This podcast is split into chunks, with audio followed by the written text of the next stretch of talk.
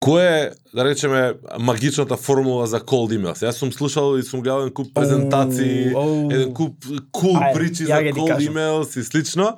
А, и имам супер онака као мислење за некој од нив. Баш ме интересира да чујам дали вие имате она као магична Да, формула. да, имаме магична формула, имаме магична формула, што не знам дали да издавам, ама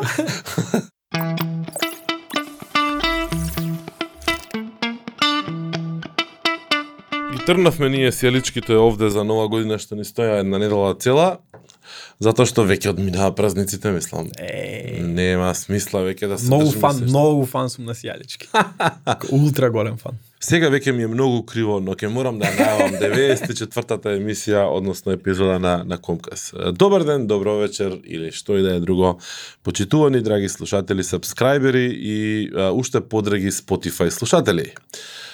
Uh, започнуваме 94-та епизода на uh, Комкаст, епизода која што некаде пред нова година влезе во најава, па после нова година требаше да се снима, па као нешто празници, па се развлековме, па не знам што, еве не сега, после празниците. Конечно тука на моје особено задоволство uh, на гости го имам Никола Соколов, ке го пробам? Сокол, Сокол. Yes. Ужио, јас сум катастрофа во имењата. така. Погодив. Никола Соколов или ти на интернет попознат како? Никола Не, Соколов. Не, Никола Соколов, да. Немам, немам, немам некој интернет никнейм. Да, Никола Соколов е од помладата генерација, кога на интернет, Фейсбук не натера да со име и презиме цело настапуваме. Ние постарите моравме никнейм да идеме од Твитер да доаѓаме. Еј, стварно, знаеш не сум размислила на тоа.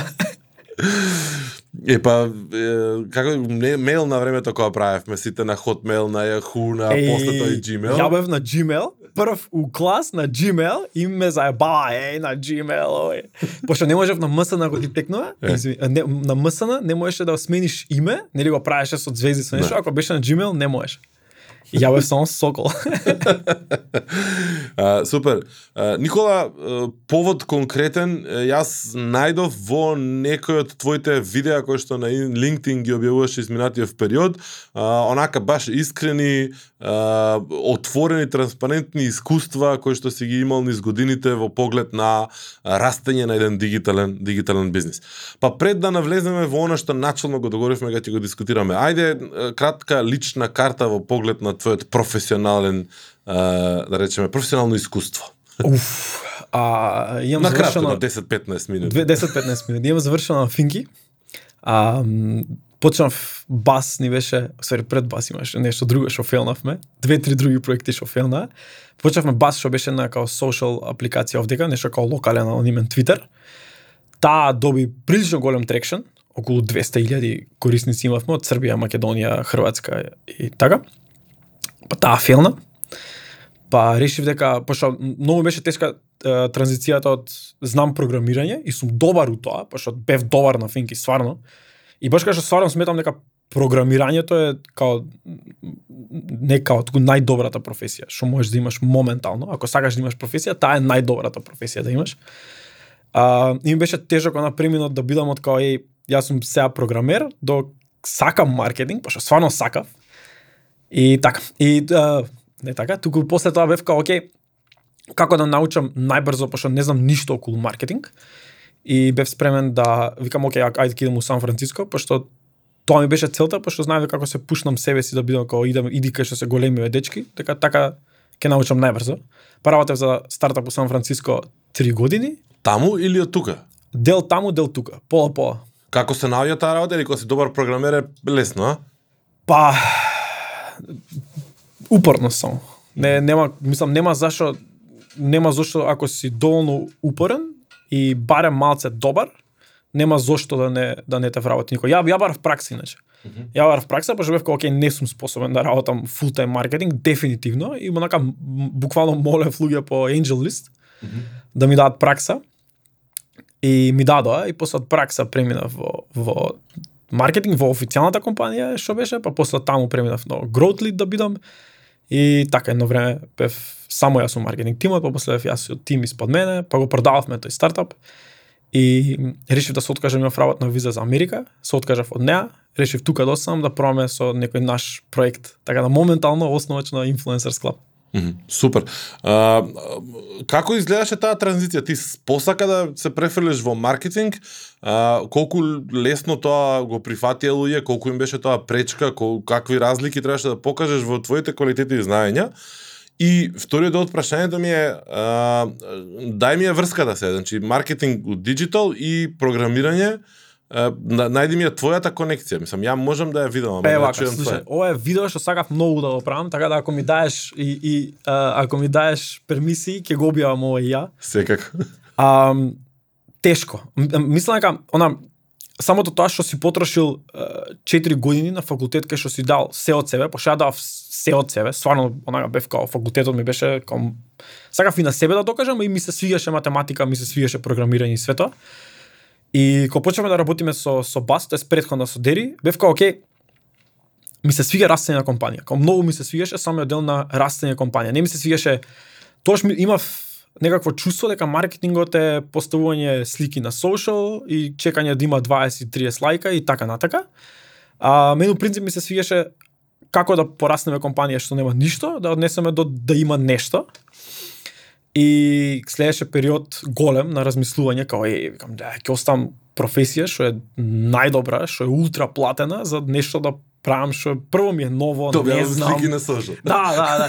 И бев кој и, и знам а, едно попладне лежев, не може да заспиам. Девојка ми спиеше, ја не може да заспиам. И викам, окей, нешто ми светна дека growth, негде го има прочитано, уште беше нов термин, као не беше не вработува growth uh, lead, growth engineers, growth marketers, ништо од тоа, вработува social marketing, така натака. И бев кој ја ќе бидам growth. Читав малку околу што е што, што значи тоа и бев као, окей, ова е за мене.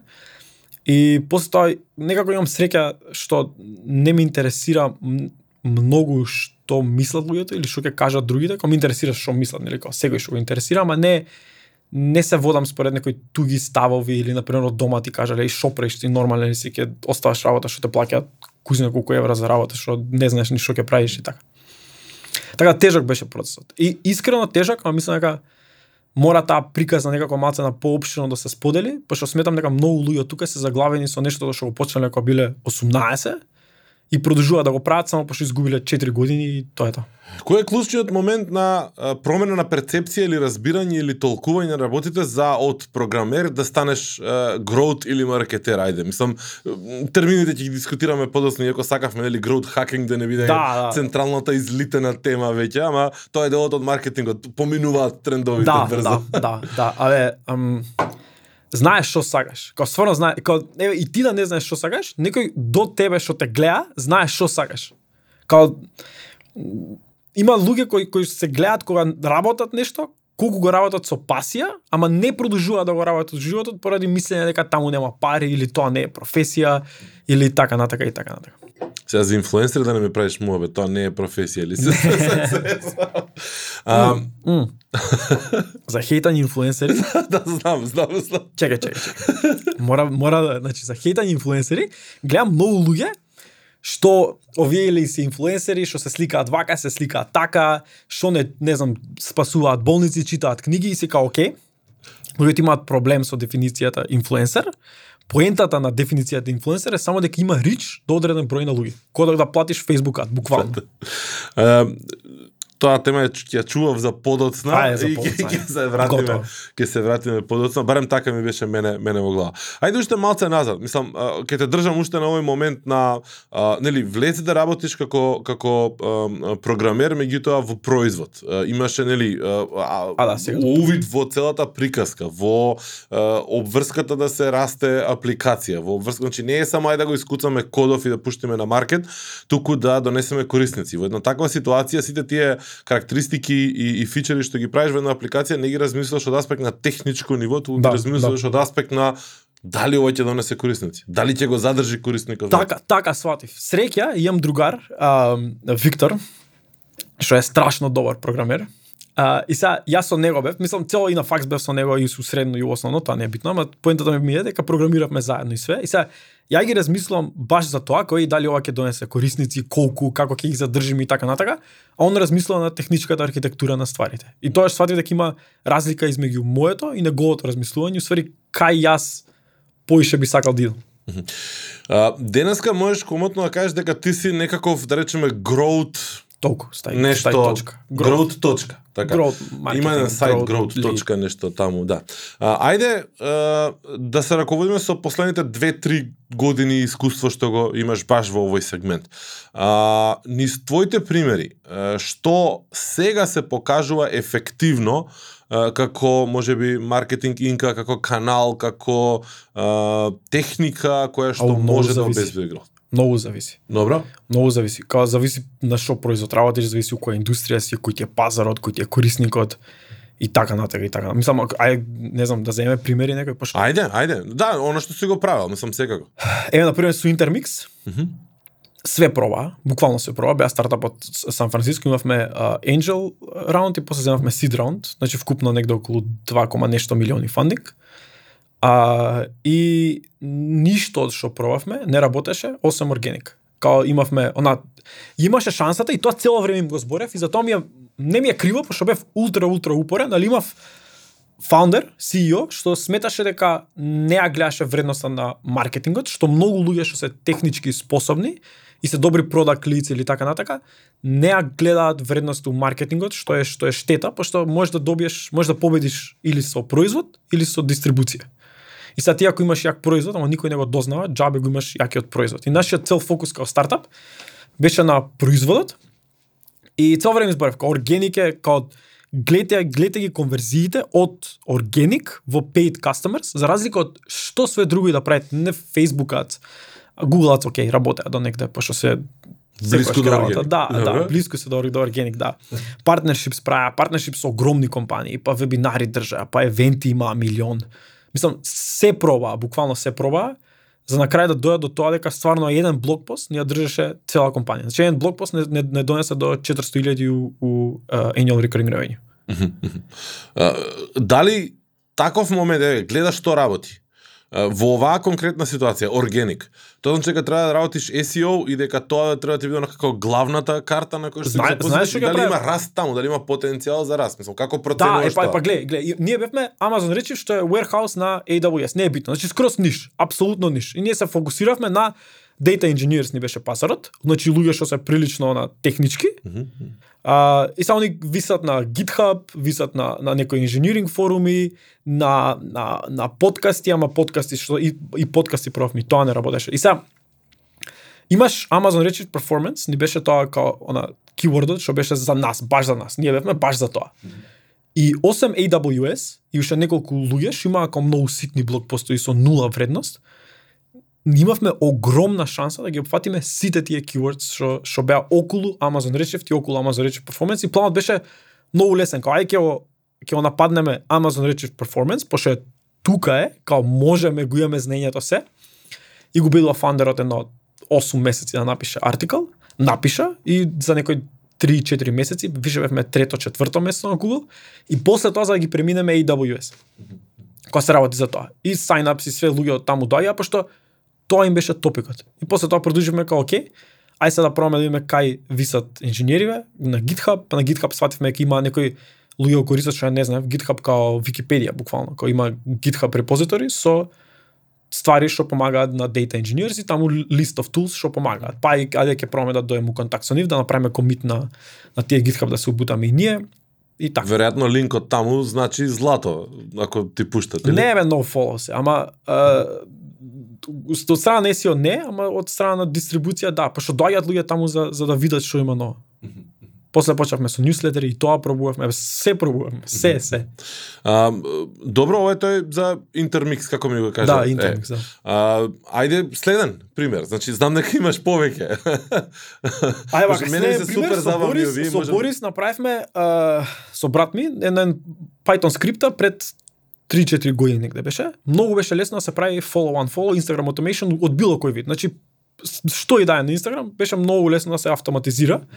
А имаше многу луѓе што сакаат да бидат инфлуенсери, а ово им помагаше у растење на followers, на engagement и така натака, кога стварно беше на неш на аутопилот тие тие профилот. А многу лесно беше да се автоматизира, го направивме и сега самото тоа што беше многу лесно да се автоматизира, сваќаш дека SEO е апсолутно фул. Facebook Ads, као да Google, као се е ултра ултра компетитивно. Мгм. Но што има билјарда сервиси, такви истично. Да, да. Добро. Ком, буквално билиарда, ако е збор тоа, Да, да. билиарда сервиси има такви. И вика, окей, што ќе правиме? И уште ми текнува денот кај што ми вика Борис, абе, Инстаграм мејлот на корисникот на 20% од прилика од луѓето и ми оставен паблик на профилот. И ос, не паблик као дека ме кони не сакајки го ставиле, туку они го ставиле со причина да бидат контактирани од брендови, да биде ова, да биде она. И окей, почнавме да го скрепам Инстаграм тогаш. Што значи дека сакаат да видат сконтактирани и ги следат тие мејлови во Да, суштина. да, да, да, да. Ги, ги скрепавме Инстаграм тогаш и имаш многу Не, data points. нема забрана Инстаграм за такво скрепање или? Има забрани за automation свееш, ама. Аха. Мислам, забрана, забрана за скрепање не значи дека ќе те пошто не може да те тужат, не е нелегално да ги скрепаш ако е publicly available data, пошто ја можам да го седнам и да го правам истото на телефон, знаеш, само што го автоматизирам. Ки ти бануваат профили Инстаграм. Во Инстаграм профили они ни бануваат 10, ние правевме 100. Знаеш, као не Така. нема нема она, као ги, ги кршиме terms of, of service. Океј. Фајн. А, да, и скрепавме Инстаграм, ги земавме, ги земавме мелодите, само пошто имаше многу data points. Ме века, окей, ова е супер лесно да го филтрираме до баш корисниците што ни требаат. Значи, окей, кои ни се таргет маркетот, фотографи беа супер, луѓе што беа заинтересирани за фитнес, така натака и така натака. Тоа преку опис, преку био, преку што ги ги вадиш? Преку Све, тагови? keywords у био, имаат категории, имаат Instagram профилите, number of followers имаат, можевме за некој да излечеме од кај се и така натака, кој language го користат, па според профилот што сме ги скрепале и многу начин на, на персонализација. Освари имаш. А, чисто да те вратам назад, значи ние првата кампања за Инстаграм кога работевме далечната 2013 некаде, а, мислам дека беше, имавме една ситуација во која што моравме да си направиме своја скрипта, да ангажираме човек да не направи скрипта, за да ни извади статистика на база на на хаштаг, објави на хаштаг. Затоа што еден куп имаше десетици сервиси различни што следеа Инстаграм, меѓутоа никој не можеше ретроактивно да направи анализа и никој не ги вадеше тие бројки што нас у тој момент не треба. Работевме а, а, кампања за, за, за клиент, за One Telecom на, на времето, и тоа беше летограм, па зимограм, па ти реков ми рече, па фото на неделата и така натаму. И знам дека уште тогаш онака беше првите кампањи на, на, на, на Инстаграм што ги работевме, и за да можеше да извадиме некаков извештај, за да знаеме колку сме успеале, што сме успеале, не успевавме да најдеме сервиси и на крај завршивме е така, програмер, скрипта, ова Да, да. ни треба, направи ми го и не знам 24 сати, 48 сати му треба за да го за да го направи. Пошто ја го ја не сум програмер, не се разбирам толку многу, меѓутоа влегов у апито на Инстаграм и стигнав да видам дали какви реквести можеш да му направиш Да, и да, колку да, да. сесии Да. можеш да му Е, па повлечеш и што се можеш да му повлечеш и сватив дека може да се направи, ама некој треба да го искуца. Да, да, да, да. така да Е, па сум така, го така, поминувал тоа, јасно. У принцип, е. у принцип гледам да како би пораснале бизнис со скоро нула кеш инвестирано. Добро, и што значи тоа? Ги собравте податоците и после тоа? И после тргнавме cold emails. Пошто беа, а, мислам, научивме са cold emails е its own beast, нели, као Да. фрка е. Ама целата таа фрка не донесе кај што сме кај што сме сега и сега праќаме многу cold emails per day. А, тоа го правевме и тоаш. Cold emails кој е здраво, нели, како тоа, и тоа правиме. Те гледам дека постираш, следиш тоа, малце персонализација тоа, дали си за, може сакаш да слушнеш поише. Автоматизирани ви се cold emailsите или Абе, на почеток, глед, не, не сакам ништо да автоматизирам, додека не го направам јас. Као, се сакам да автоматизирам, ама сакам прв пат да го направам јас, за да видам кај може да, да, да, да, да фейлне целиот, целиот систем. Исто како со делегирање таскови. Не сакам да, да делегирам таскови, што јас не сум седнал да ги направам. Пошто немам никаков контекст. И кој е, да речеме, магичната формула за cold emails? Јас сум слушал и сум гледал куп презентации, оу. еден куп кул Ајде, причи за cold emails и слично. А, и имам супер онака као мислење за некој од нив. Баш ме интересира да чујам дали вие имате она као магична формула. Да, да, имаме магична формула, имаме магична формула, што не знам дали да издавам, ама а, Ќе цензурираме. има има не има има има многу работа има некои tools што треба се што треба се користат што ќе ти што ќе ти помогнат и најголем дел од cold email зависи од пораката што праќаш и репутацијата што е лесно кажано ама потешко да го да го направиш а дали ќе користиш линкови дали нема да користам цел артикл за како сме праќале до 100.000 а, cold emails per day за еден швејенец Мгм. А, он сакаше да земе микро, нано, мак... имаше огромен буџет да потроши и буквално сакаше цел Инстаграм да соработува со него. А, пошто братот, братот даваше бикини, бикините му се да ги направи као помалку од долар, а некој го постира на Инстаграм за, за, за гага, ако он им прати бикини, пошто кај него бикини на, на страната бикините се 69 долари. Mm -hmm. И сега овие мислат дека добиваат 69 долари value, сами си плаќаат shipping, а овој ги плаќа помалку од долар за да го објават. Mm -hmm. И сега со него стигнавме до некој стек што праќавме буквално 100.000 emails per day. Mm -hmm. Со комбинација од Ама тоа се имейл кој што со... бараат од луѓето да си платат шипинг за да добијат бикини или продажба? Не, не, не, не продажба, не продажба. Не, не продажба. Значи, во принцип баравте... Не продажба, со, со продажба е тешко. Треба пазиш да добиеш реплайс. Магичната формула е да добиеш што е можно поеш реплайс или, или клик-трус. Mm -hmm. И никој да не те репортира како спам. Mm -hmm. Тоест, помалку од на илјада. Многу така. помалку од 1000. А користите ньюзлетер сервиси, готови ваши скрипти, ваши купувавме, сервери, мейл сервери? Купувавме, имаме купено um, имаме земено еден, имаме купено уште ньюзлетер, па после свативме како да го правиме тоа сами. Uh, у принцип, борма процесот е многу битен, кај, кај cold emails. Uh, додека стигнеш до некоја одредена репутација, кај што Google ќе каже, окей, доменов, сендеров е окей. Mm -hmm. И ти треба подолго време да го, да го заебеш тоа. Mm -hmm а, ньюслетер се фантастични. Значи дека, значи дека ќе почнеш со call mail од еден домен, полека растеш, не пушташ од еднаш 100.000 него многу полека. Многу полека. Многу полека растеш, предпазливо и гледаш цело време да тестираш пораката, да тестираш репутацијата и така натака. Добро, сите се овие growth техники кои што се супер. Меѓутоа, колку, ако си добар growth хакер или growth whatever, маркетер, а, ако немаш добар производ или услуга, добра понуда, можеш да поминеш. Колку можеш да поминеш? Да. Дали, ако ја знаеш техниката, можеш малте нешто сакаш да продадеш. Баш тоа си го мислев вчера. Има ни дечки што ги следам, што се апла такви growth hackers, такви австралијанци, не што се веб страната им е со капулјачи се они и така натака. Тоа се луѓе што све што прават спама, знаеш, као окей е growth, окей е growth, пошто немаш буџета, сакаш да пораснеш, особено за бизниси што се направени тука, кај што почнуваш со Апла немаш ке, знаеш, кога Силикон Вели почнаш бизнес и идеш да собираш пари, пошто имаш тим, имаш идеја и ќе направиме ова и имаш пари од денешка и можеш да пробуваш ствари тука кај што не можеш да пробуваш ствари, ти треба некој начин кај што ќе можеш да се угураш у, у, у толпата, али без добар продукт. До која фаза барем според твоето искуство, размислуваш на growth ваков класич од овој тип, кога веќе почнуваш да работиш као сериозен бренд етаблиран со други буџети со Преако праше. Преако праше цело време. Значи од почеток, тоа тоа му го зборав сега онборднавме, не сега, уф, мај, ама мене ми изгледа сега, вау.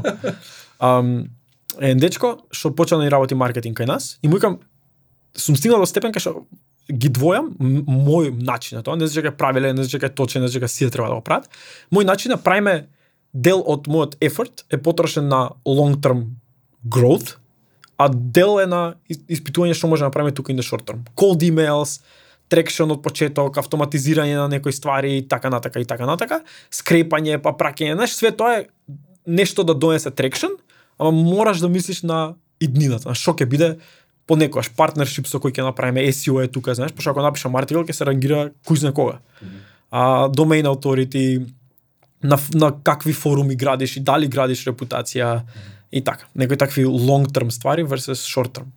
Што значи ако сакаш да градиш бренд, мислам од сам почеток треба да ги тераш двете приказни паралелно. Значи, Мораш не... да ги тераш двете приказни паралелно. Пошто ако се фокусираш само на short term gains, mm -hmm. е ќе останеш некојаш кај што ќе бидеш како окей, што сега, знаеш, како што ако мислевме пред година дена, ако напишавме еден артикл пред година дена, сега ќе имавме вредност со тој артикл. Место... Мене ми се некако многу розеви тие приказки, као еден артикл да напишеш и као дека имаш одма ефект од еден артикл, ме свегаш, мислам, дали веројатно ниш термините што ги гледам. Не, не, не, мислам... не, не. Грешно, извини, извини, извини. Значи ние имавме 50 артикли, еден успеа. Тоа, тоа. Е, еден успеа. Не, не го напишавме вистинскиот. Ама се фокусиравме на еден core контент. Mm -hmm. Се фокусиравме нешто за кое што знаевме ка сакаме да бидеме најдобри. У Intermix тоа беше речи перформанс, кај нас тоа се а, Instagram а, micro influencer emails, специфично, пошто има милион други сервиси за било какви так, инфлуенсери. Так, так. И така. А, приказката за микро, нано и така натаму инфлуенсери прецена на Инстаграм, нас, мене, ми беше као интересна, актуелна пред некои две, три години од прилика.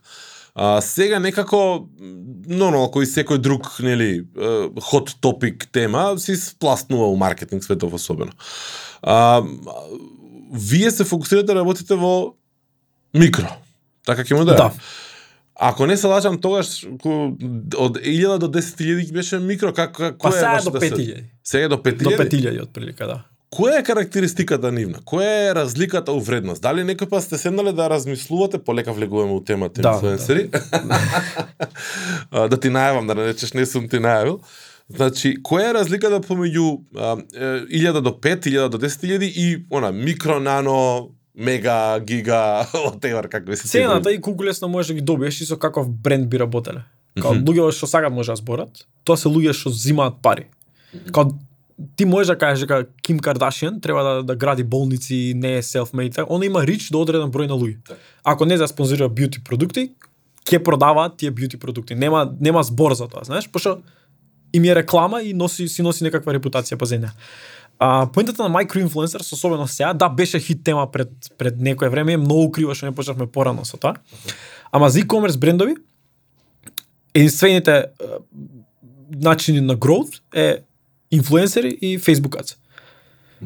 Си ги тераат цело време, нели? Као тоа го прават Инстаграм, Фејсбук, бла бла бла. И другото им е се партнершип со инфлуенсери, како ќе постат кампањите и така натака и така натака.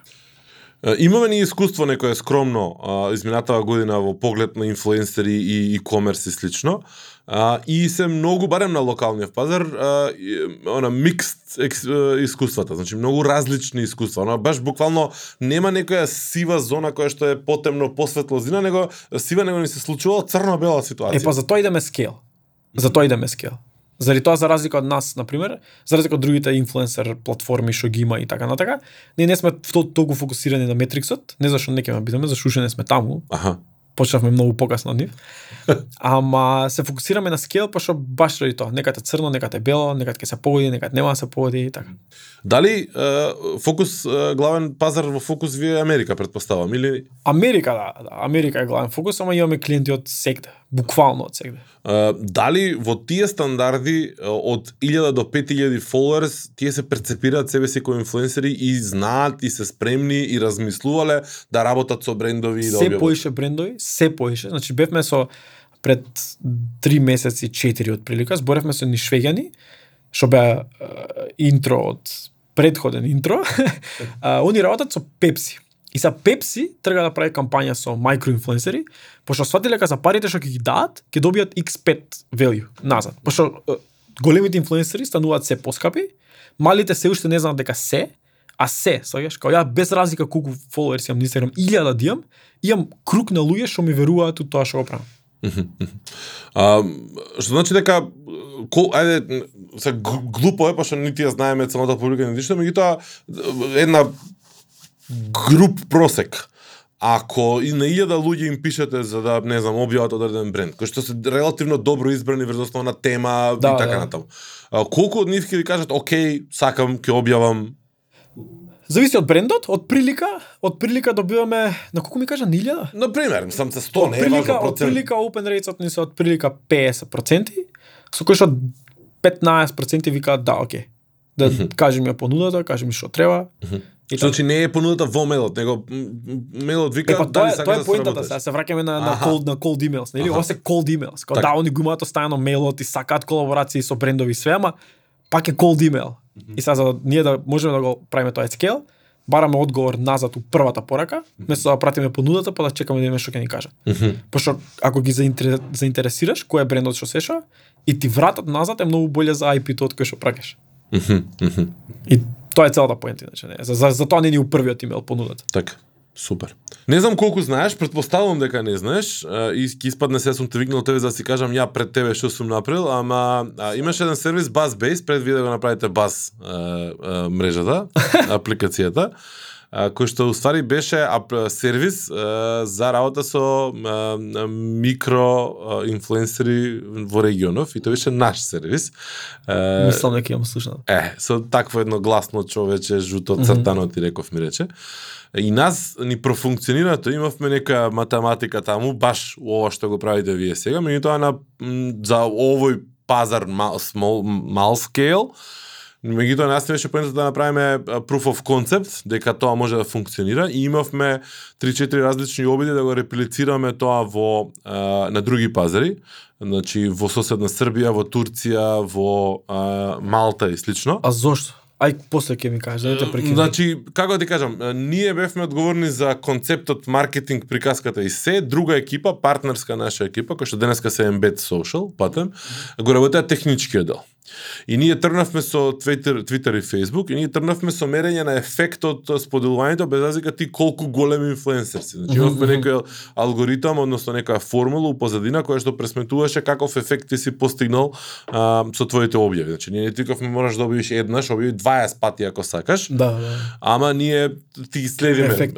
ти следиме ефектот. И имаше таму некоја формула која што луѓе се обидуваат да ја одгатнат и да ја пробијат, тогаш не успеваа.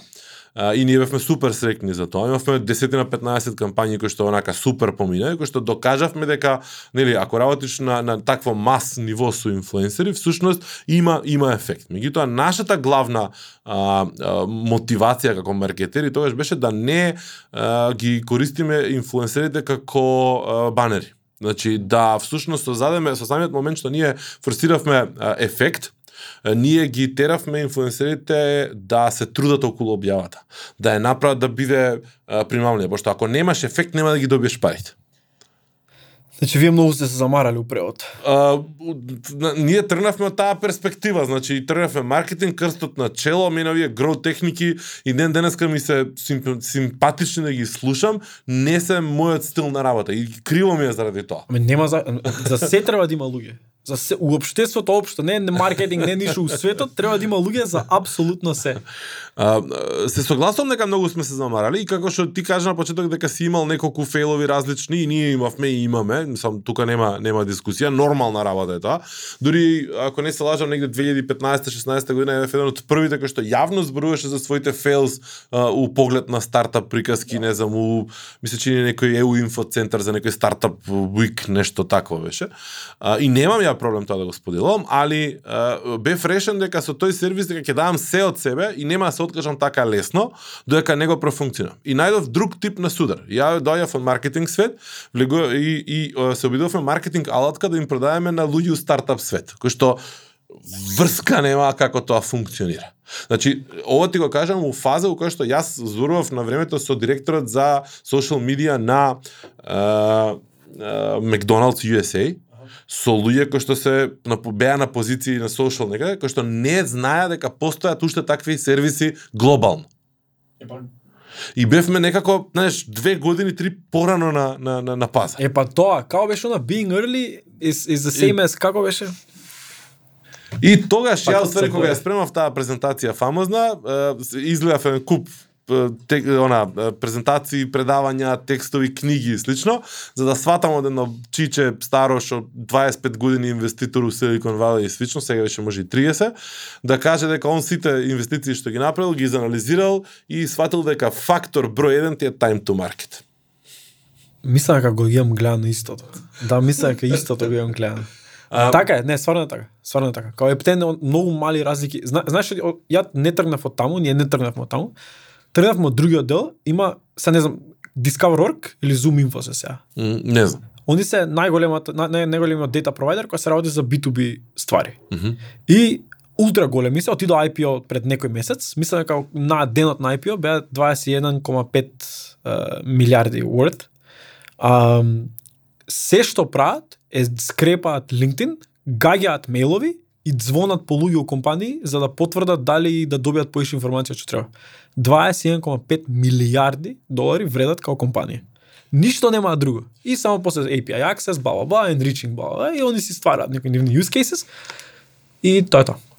А, дали ова значи дека мене ова ми е не е hard work, ама е hard work. Мислам, она е буквално а, а, а, проста, едноставна работа што треба да ја добро да ја сработиш. На крај се се сведува на тоа. Значи треба да имаш едноставен таск, едноставна работа и добро да ја сработиш. апсолутно. Многу се согласувам со тоа. Затоа што, знаеш како, и тие сега што ми ги спомна, сигурно кога ќе им го отвориш вебсајтот, ти продаваат као вау, ние сме Да, да, да, софистицирани, intent-based ние сме data, да. AI, роботи, машин learning, бла бла бла. некои такви ствари. Да, да, апсолутно. Апсолутно. Имавме аксес до таа. Нас не кошташе со Intermix 21,5 илјади годишно тулот. За да имаме аксес до data engineers, тоест engineers uh, у- in general, од компании од 1 до 100 вработени од Норт Америка. Ако го свртам, со, со англиско, дури Норт Америка. а да, рековме дека ќе зборуваме за за А, тоа е шо да правам, као секој ден ми е тоа, не ги ни знам термините на македонски. Дисклеймер. Во оваа епизода ќе слушнете премногу странски зборови, кои што така ноншалантно јас и мојот гостин ги спомнуваме, ве молиме немојте да мислите дека се правиме фраери, едноставно по цел ден само на англиски Да, читаме. и- да, да, и многу ме, абе, и се нервирам што луѓе, што луѓе За поправаат. обратете се на речник. да, не, не ги ни знам некој збороите, не ми текнува ќе треба да се мислам тука.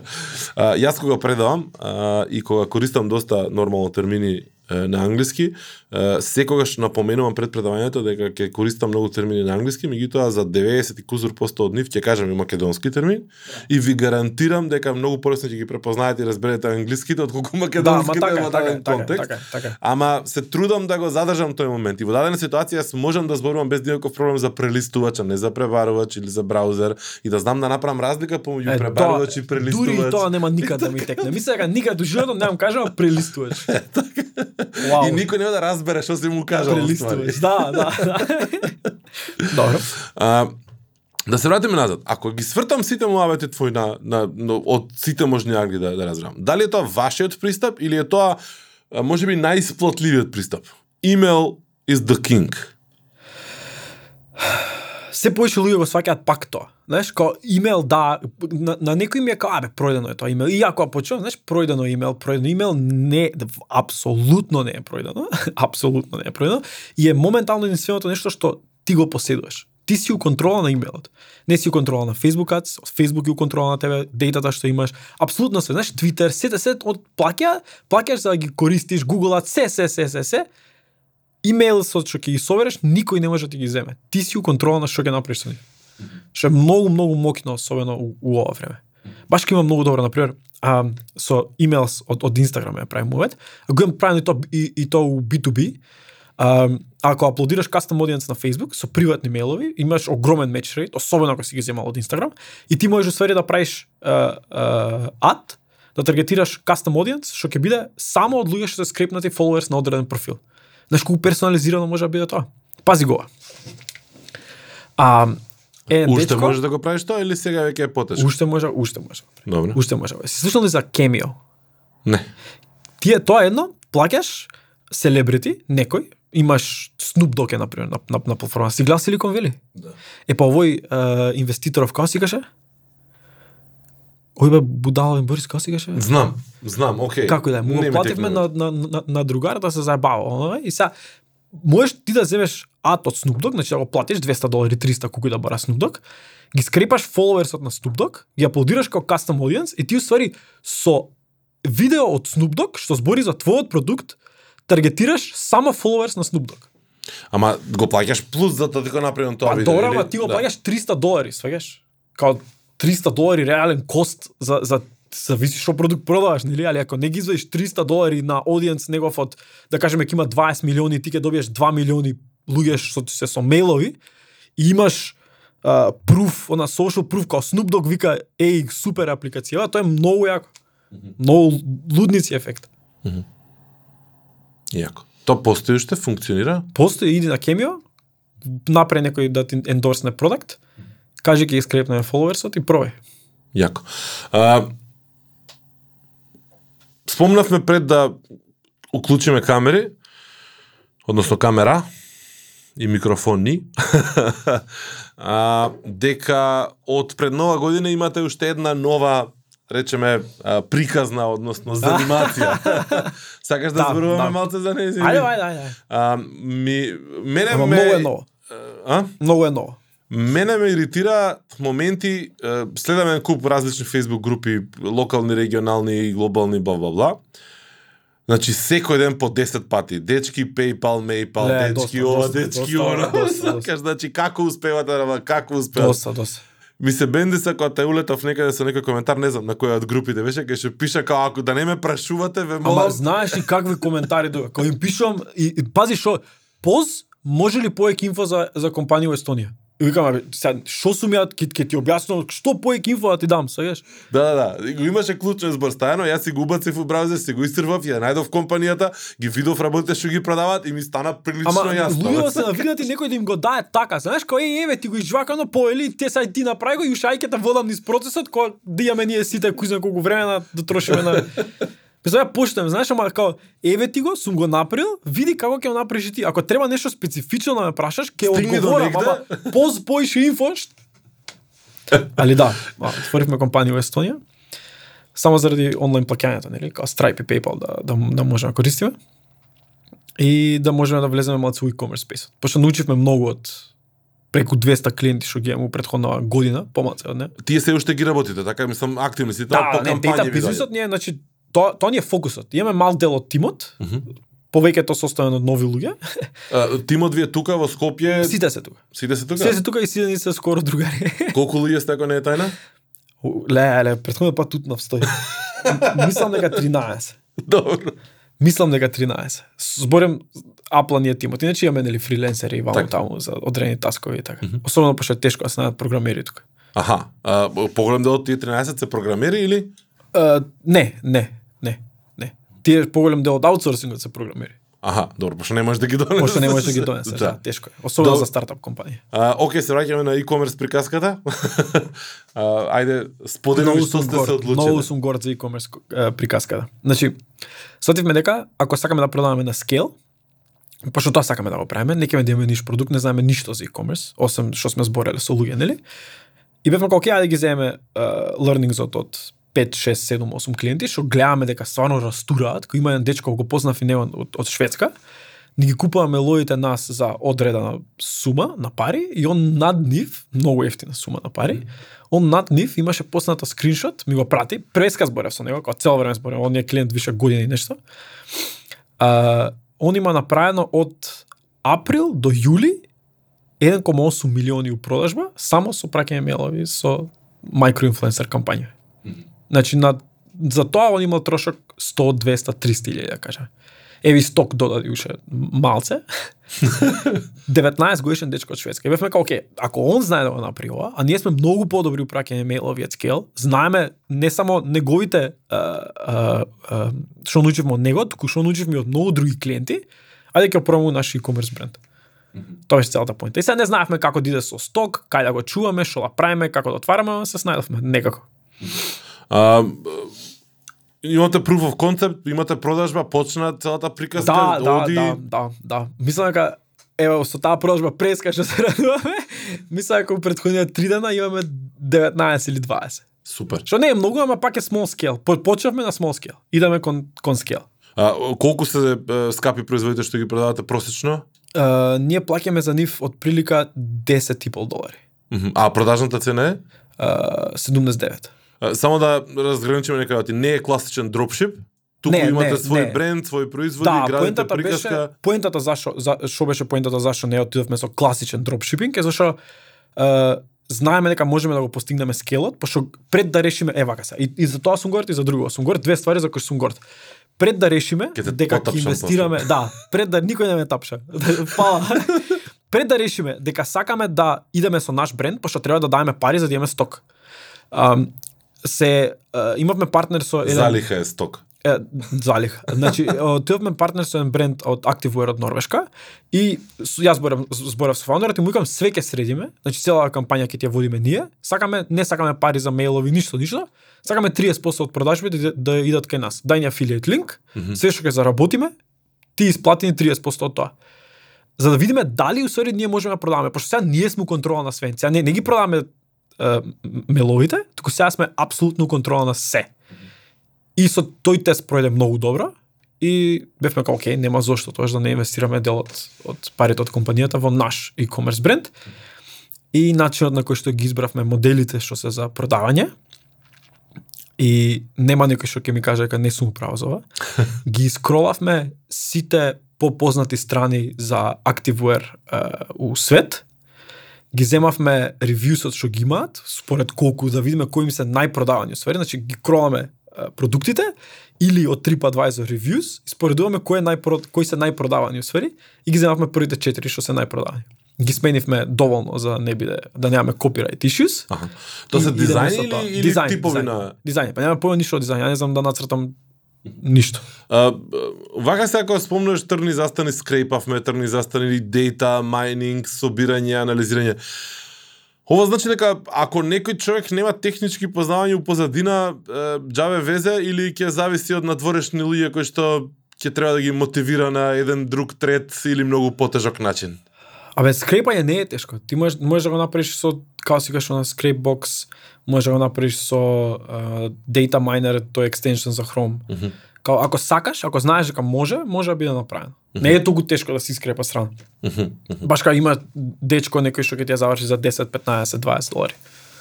Не е толку тешко. Само треба да го имаш познавањето дека може. И заради тоа препорачувам многу од луѓето да идат на финки. Аха. Без разлика што сакаат да работат, да идат на финки. А, Не само сум доктор, нели? Нормално. Или така ствари. ја мислам дека може да доктор.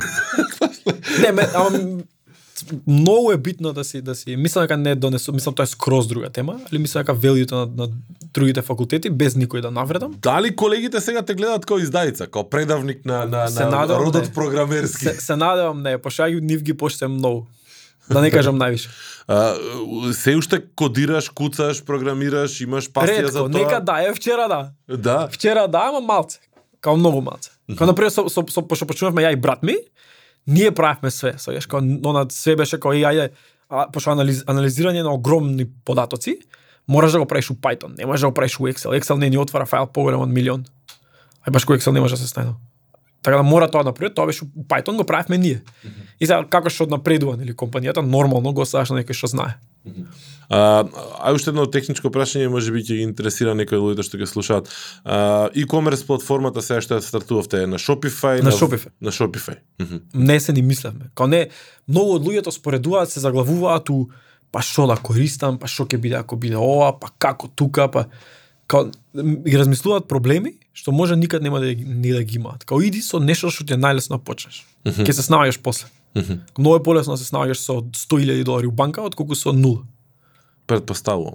Да, предпоставам, да, да. Али ме сакаш поента, да, сакаш као не нема зашто да се мислиме се. Па полемизираат околу па вакви закони имало, па такви, па ова пона као дај, зе, мислам. Добро, мене единствениот единствената пречка тука ми е што јас размислувам во име на компанија и сакам нешто како компанија да го направам, а не како Дарко лично, кога Е, па да, размислувам такви сценарија. И секој па знаеш размислувам како парите ќе стигнат тука за ја да се ги покрием трошоците тука. Ама не, тоа апсолутно треба. И а, во пар ситуации а, сум се откажал од некои идеи, некои планови и слично. А, сега ми е криво за дел од нив и сме пробували дропшип, дропшипинг сме пробувале да работиме и се. Меѓутоа јас не мислам дека тоа е пречка. Значи ако ти доволно добро сакаш да она си убеден и, и, и има желба да сработиш нешто, ќе најдеш начин како да го следиш, особено сега Естонија, Делавер и Се- се така можеш да правиш, Само целата приказка е колку си ти спремен да а, ризикуваш, односно да вложиш, да вложиш во Апсолутно, тоа. апсолутно. Е па тоа е тоа што им го зборам на многу од луѓето што се со нас и мислам дека повеќе од тимот што доаѓа го разбира тоа, е дека сега немаме ништо да изгубиме. Као ти имаш, пошто имаш компанија позади тебе, Да, знаеш? да. Ние немаме, не, не нема што да изгубиш. Као особено кога кога кога кога почнувавме и сега да ај ќе опробаме ова, пошто ни фамилија храниш, ни ништо, као што е до мене, ја ќе живеам на на нудлс и туна. Може ни туна, нудл само. Не, нема што да изгубиш. Као почни, пробај, пошто ако толку размислуваш сега, што ќе биде кога имаш компанија, кога имаш фамилија, кога ќе треба, знаеш, кога од твоите ризици некој ќе има да страда ако не успее. А, ме боли се тука да ти кажам. Тука се. Ама добро. А, како ова е последно? И завршуваме Е. пошто сакаш уште? Се загрев. У два дела ќе го делим. Ајде, може. Парт 2. Парт 2. Ако има поише лајкови од било кое друго. E, preglede, valjda. Преслушување. прегледи? Прегледи и преслушување. Со оглед тоа што на. YouTube сме појаки. А, ќе средиме. А? Ке за ке искрепаме. Не, не, не, не играме така. Значи не, ја поштено. Денеска разговарав со еден пријател кој што а, доста доста доста често работиме заедно, слична работа работиме и баш дискутиравме околу Комкастов и му кажувам како дека растот како изгледа на на, на Комкаст, пошто комуникација.нет никој пат немал а, никој пат немал голема публика, никој пат не, нити сме се стремеле ние за голема публика. Значи 100, 200, 300 ме сеќаш. Значи како кор публика правиме ова. А, толкав и бил и пазарот. И сега со оваа последна итерација пазарот значително е променет во Македонија, значи поглед на маркетинг особено и а, дигитален дигитален маркетинг. Меѓутоа она што заедно го констатиравме е како му кажам, значи сега сум околу 500-600 у просек ме свакаш прегледи вкупно на сите на сите платформи, што мене ми е сосема окей. Ме свакаш, јас сум осетил дека и 200 ако се тие вистинските е таман, ме свакаш. И као и супер, окей, топ е ова, бла бла бла. Ме сеш као муабет, многу позитивна, многу позитивна ме радува та- ме радува така. Пошто ја не мојот пристап, growth пристап не е као ајде чекај удри сега, ќе спамираме масовно, ќе станеме ултра илјадници, ќе имаме не знам што инфлуенсери ќе станеме и такви работи. Прашањето следно ми беше. Да ќе те вратам пак назад на на e-commerce. Како Да, изгледа, како изгледа growth планот таму? Сега не знам. Као имаме еден канал што знаеме дека работи, што сме го тестирале дека работи, знаеме дека работи, ќе го искористиме додека можеме да го користиме. OKR, олеле, колку сум. А, не знам како се викаат. Објектив за овој Цели бре.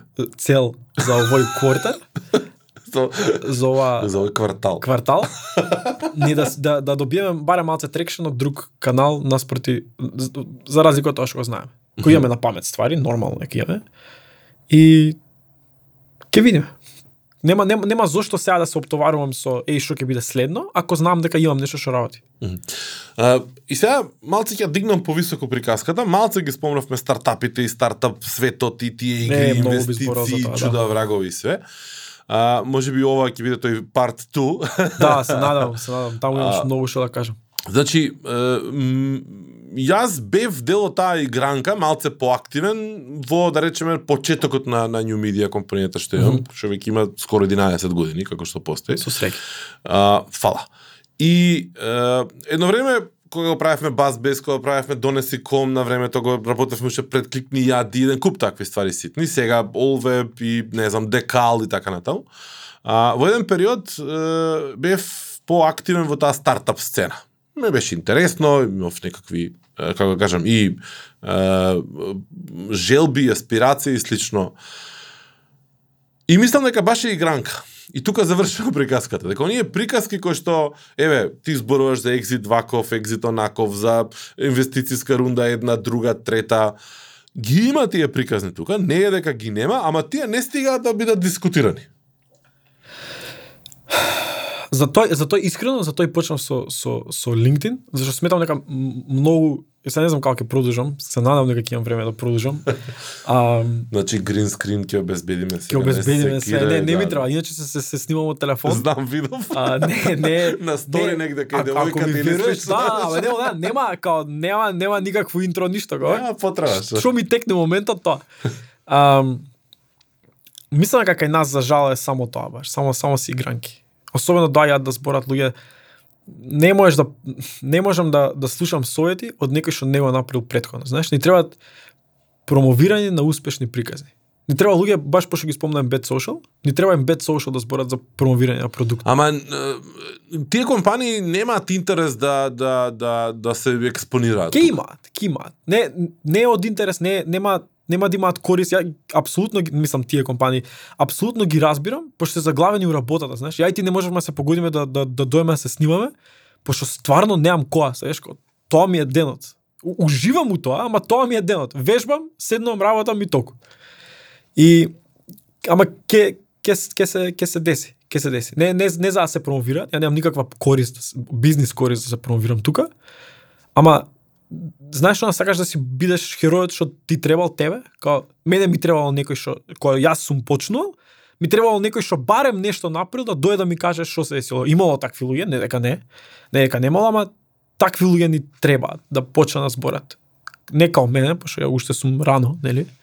Иако имам некој искуство позади мене, ама така, ни требаат такви луѓе. Ги има, си ги среќавал, што викаат они, зошто тие не зборуваат? Ретко. Ретко ги има или ретко зборуваат? Па не сум ги ни барал. И ретко ги има и ретко зборуваат. Не сум ги ни барал. Мгм. Као многу е друго, многу е друго. Мене искуството во Калифорнија мислам дека апсолутно не мислам, ми го смени животот многу. Само да ги видиш како размислуваат, што прават, како се понашаат. Добар дел од а, стартапите и, и тваки дигитал нели сервиси, софтвер за сервиси слично, а, она што го работиш и си го работел, а, се направени од а, технички лица така наречено, Да. да. речеме програмери и слично. А, зборуваш дека нели во а, Калифорнија ти се променил тој пристап. А, си го поминал Финки и си она исклучително позитивен на таа приказка. А, Дали Финки може да створи кадар кој што ќе размислува надвор од кодови сега? Она сериски да створи таков кадар. Да ги разбира тие работи, ама да размислува нешто подалеку од тоа. Мислам дека се трудат. Мислам дека се најблиско од што било кој е, далеку се подобри од било кој друг. Ако ако мене, ако колку јас знам, не ќе му навредам апсолутно никој друг факултет, ама кога збориме баш за оваа тема, мислам дека финки, финки се далеку повеќе од колку било кои други факултети. А, се трудат да го направат тоа. Нормално треба време. И малце потешко ствари се дешаваат у тој тој свет на академија.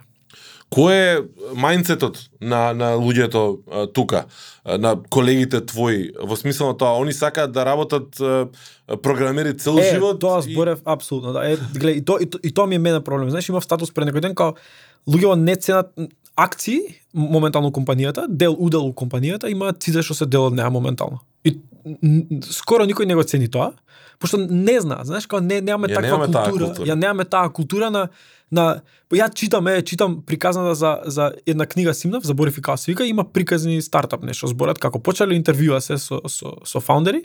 И сега дечкото вика а, дека мислам дека беше на PayPal. Мислам, не не сум сигурен, не е битно. Uh, работев у голема компанија, мислам дека у uh, HP работел, и као ја напуштив, пошто иако платата беше добра и све, немав никаков сток опшн, и као, знаеш, ке беше за плата, а сакав да пробам нешто да, да, да биде и се придружил на некоја стартап компанија, што испадна дека била PayPal, да кажеме дека била PayPal. Тоа го нема кај нас, пошто луѓето не го виделе, не се десил некој екзит кај нас за луѓето да знаат што се ша.